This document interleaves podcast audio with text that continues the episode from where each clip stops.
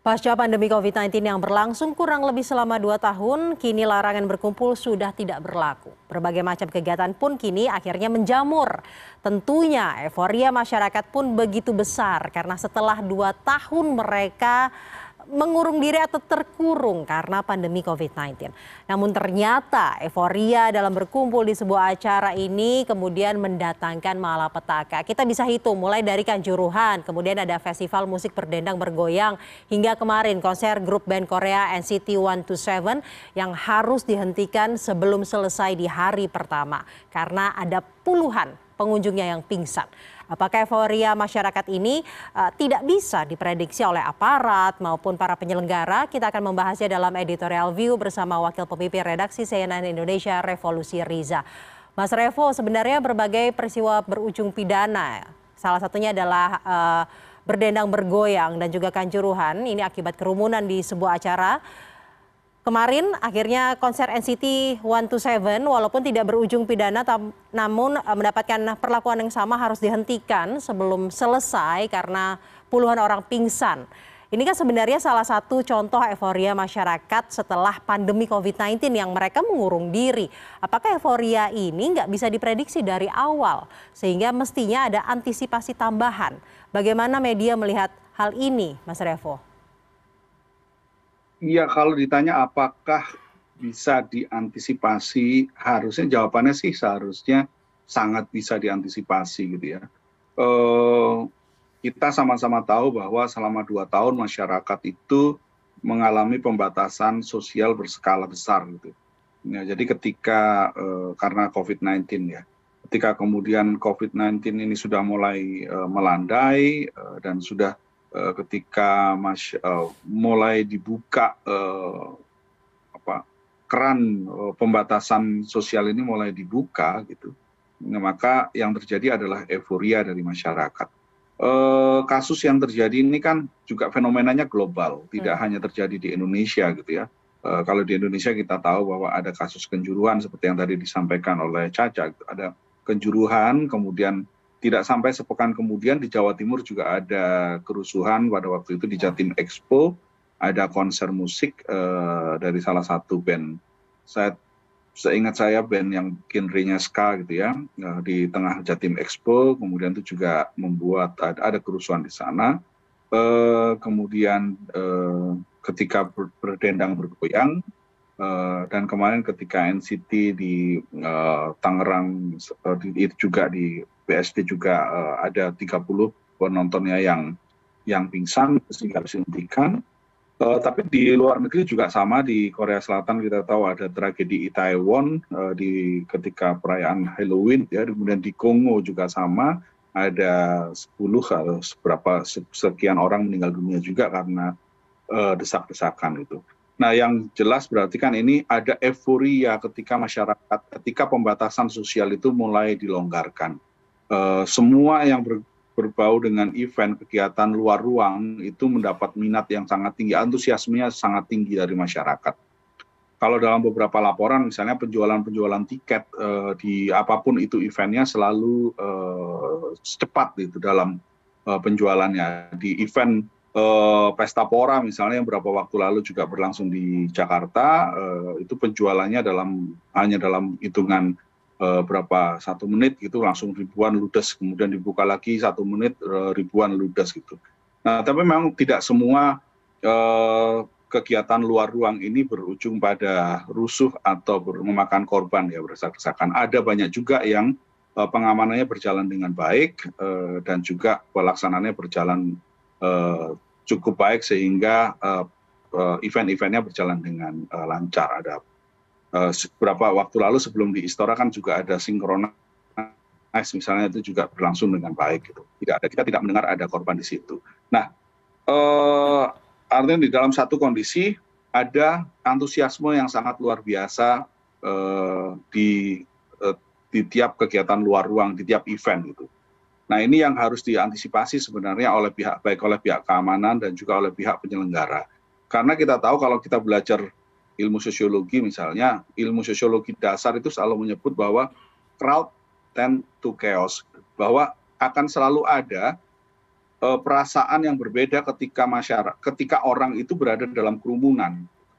Uh, psikologi kerumunan akan berbeda dengan psikologi orang ketika dia sendirian gitu. Uh, ketika dalam kerumunan orang itu cenderung lebih berani, misalnya lebih uh, euforianya ada gitu, sehingga uh, itu sangat berpotensi untuk chaos gitu. Karena itu teori dasar dari crowd tend to chaos itu. Kenapa kemudian dalam setiap ada kerumunan butuh adanya crowd control. Gitu perlu ada pengawasan atau penanganan kerumunan yang pas. Dan ini tidak bisa seharusnya pihak penyelenggara ini sudah harus bisa mengantisipasi sejak awal bahwa sudah harus dihitung kapasitas uh, gedung misalnya atau kapasitas wilayah area itu berapa karena itu ada aplikasi atau bisa ada ada ada uh, apa rumus yang bisa menghitung dalam satu meter persegi misalnya itu bisa memuat berapa orang berdiri dalam konteks berdiri misalnya apakah satu atau dua orang kemudian kita bisa menghitung sebenarnya luasan cakupan areanya berapa meter persegi dan kapasitas orangnya berapa.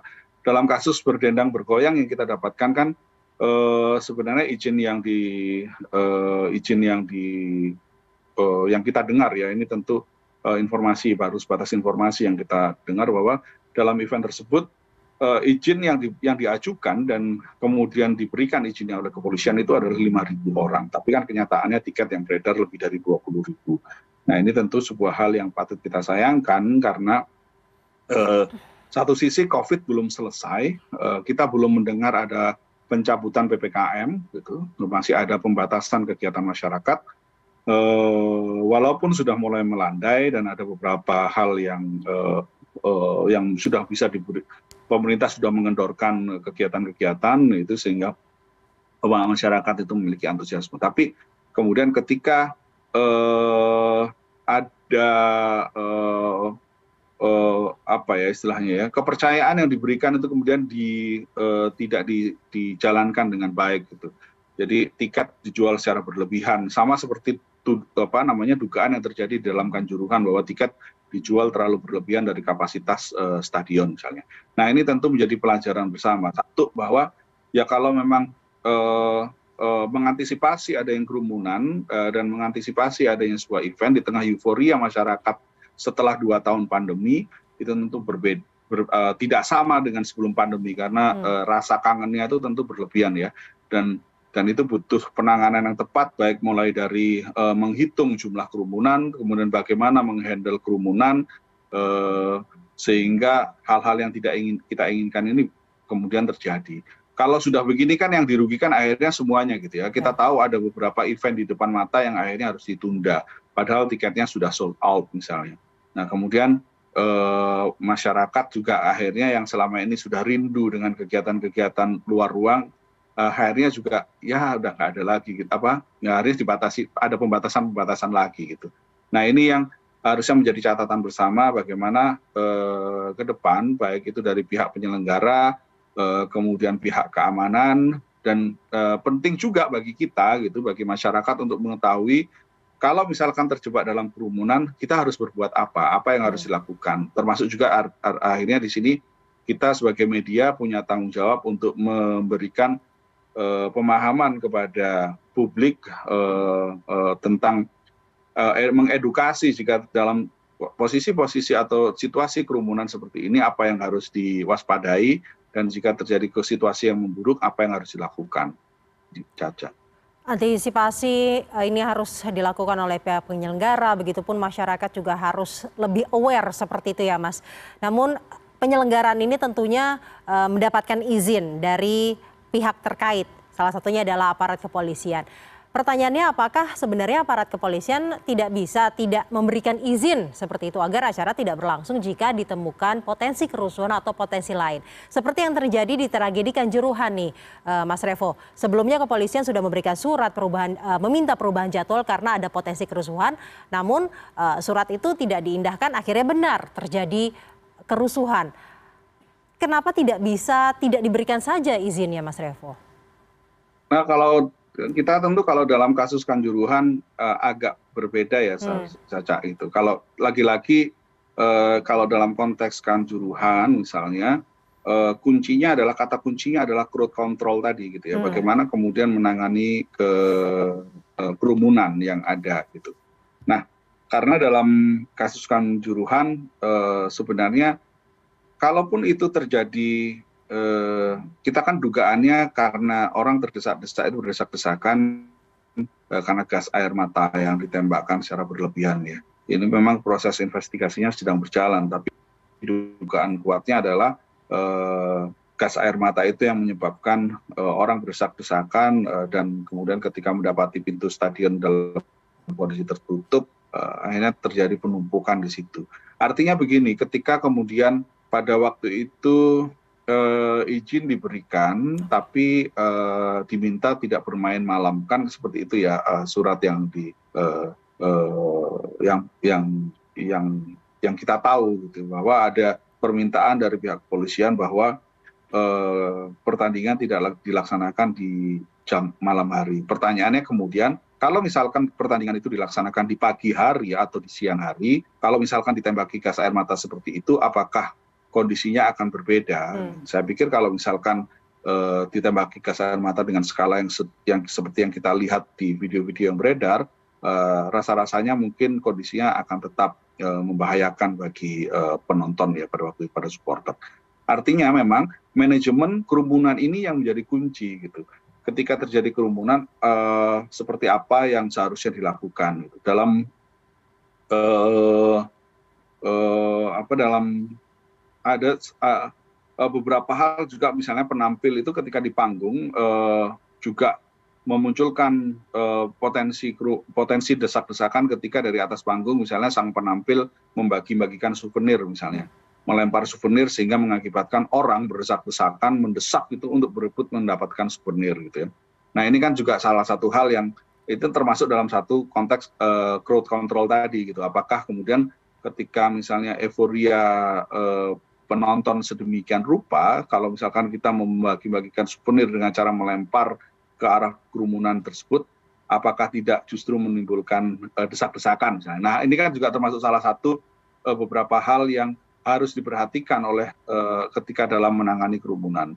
Memang kuncinya adalah bagaimana kita memanage kerumunan tersebut karena lagi-lagi itu uh, crowd tend to chaos. Ini adalah teori dasar dari uh, sosiolog uh, sosiologi uh, masyarakat bahwa kerumunan memang berpotensi chaos, berpotensi rusuh. Sehingga butuh hal yang tepat dalam memanage kerumunan tersebut. Bagaimana menghandle, manage kerumunan. Eh, apakah perlu adanya floor director misalnya yang harus disebar di mulai dari atas panggung kemudian di kanan kiri panggung untuk mereka-mereka ini yang yang bertugas untuk mengamankan atau mendinginkan suasana misalnya atau mengendalikan kerumunan sehingga mereka bisa ditata supaya uh, lebih tertib misalnya. Nah ini ini kan ada ada teori-teorinya dan saya pikir memang setiap penyelenggaraan yang mengundang kerumunan itu harus memiliki pihak-pihak uh, yang memiliki kepakaran khusus dan hmm. memiliki keahlian khusus dalam mengendalikan kerumunan. Jadi tidak hanya dia tidak hanya diserahkan begitu saja kepada petugas keamanan, tapi juga perlu adanya orang-orang yang memang uh, cukup memiliki kepakaran dalam pengendalian uh, kerumunan massa. Dan tentunya manajemen pengendalian kerumunan ini harus disesuaikan dengan karakteristik masing-masing kegiatan ya Mas Revo ya.